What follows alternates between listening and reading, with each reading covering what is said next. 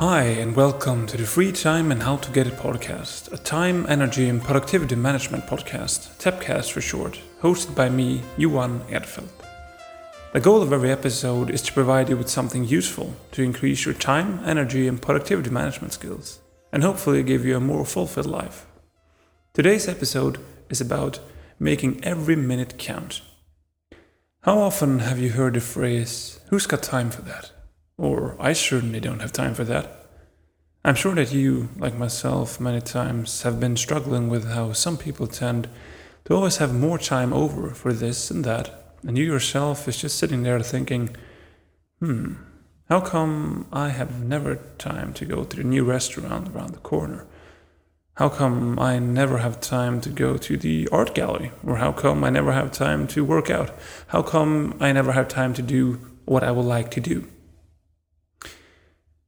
For many of us, the thing is that the truth actually is you do have time. Repeat the following phrase inside your head I do have time. Because it's a fact. Fact is that you have plenty of time but you might not be aware of it. Or you might spend it at the wrong things. Wrong here being, of course, a very subjective, but, anyways, for the argument's sake, wrong things could be things that you really don't want or need to do. But some things we have to do, even if we don't like to. But many things are of our own choosing.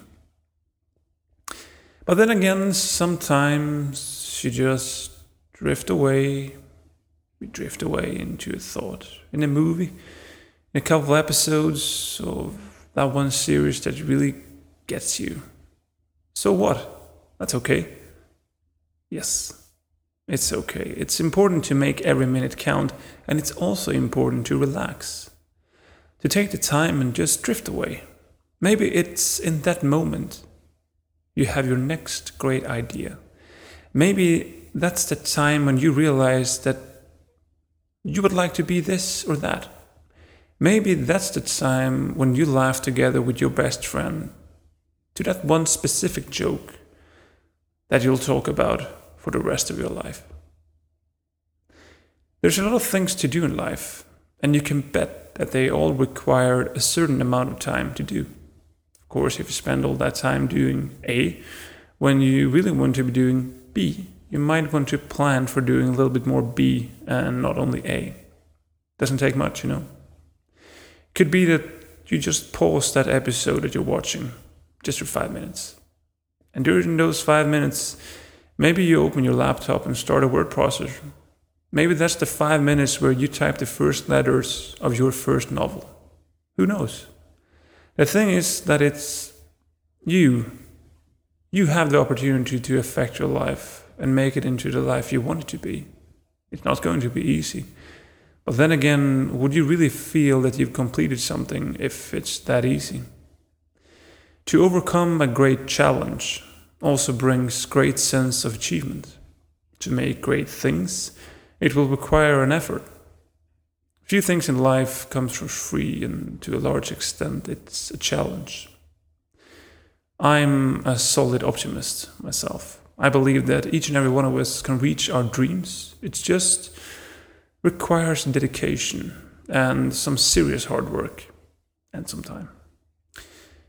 Think about the memorable quote, Carpe diem, seize the day. I believe that we should keep another phrase in our mind Carpe time, seize the time. It's just another way of thinking about that every minute count, because it sure does. You can use your time to create amazing things, everything from beautiful crafts to wonderful tunes or lyrics. There is no limit to your potential, but it requires that you put in the work. It requires that you use your time for something great.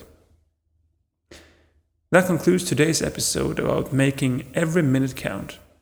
Thank you very much for listening. Sending your questions to the freetimepodcast at gmail.com, and I'll gather them in a Q&A session once in a while. Be sure to check out all my other projects on johanerfeld.com, comment on my free time podcast page on Facebook, listen to my music on Spotify, try out my finance management tool for your household economics, and why not read a poem or two? Download the time map, time schedule, one year time plan, and task list manager from johanelf.com forward slash downloads. Thank you for listening, and I'll see you next week.